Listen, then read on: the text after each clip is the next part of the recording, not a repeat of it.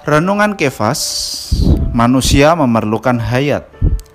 Yohanes 3 ayat 5 Jawab Yesus, sesungguhnya aku berkata kepadamu, jika seseorang tidak dilahirkan dari air dan roh, ia tidak dapat masuk ke dalam kerajaan Allah.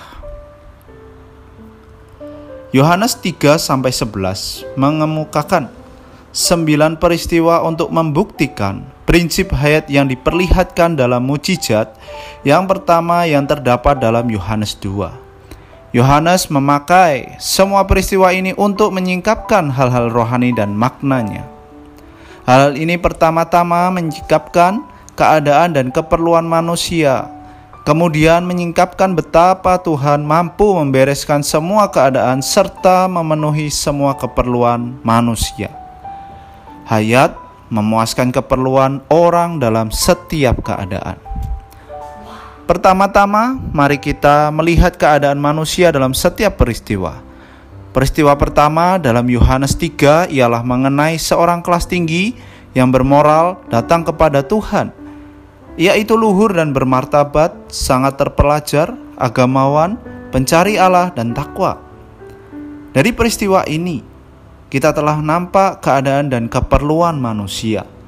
Kini kita perlu melihat bagaimana Tuhan masuk ke dalam keadaan manusia yang jatuh ini dan memenuhi setiap keperluan.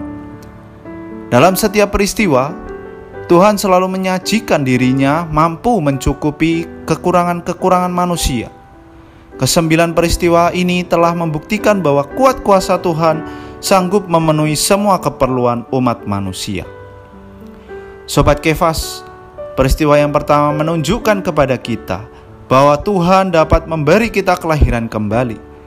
Bahkan orang kalangan atas atau berbudi luhur seperti Nikodemus juga perlu dilahirkan kembali agar ia memiliki hayat Allah sehingga dapat masuk ke dalam kerajaan Allah.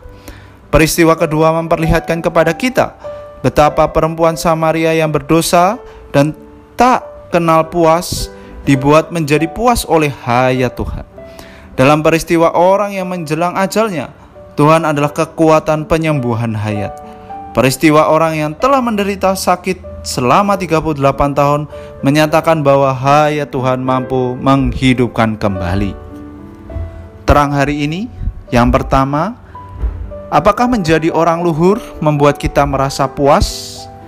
Dua, bagaimana kita dapat memenuhi keperluan orang luhur sesungguhnya? Poin doa kita, berdoa agar Tuhan membawa kita semua menjadi orang-orang yang melihat bahwa kita memerlukan Dia. Amin.